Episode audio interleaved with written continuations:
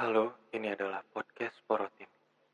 Porotin adalah sebuah podcast di mana aku akan menceritakan pengalaman-pengalaman horor aku dan juga pengalaman-pengalaman horor kalian yang udah kalian kirim ke aku.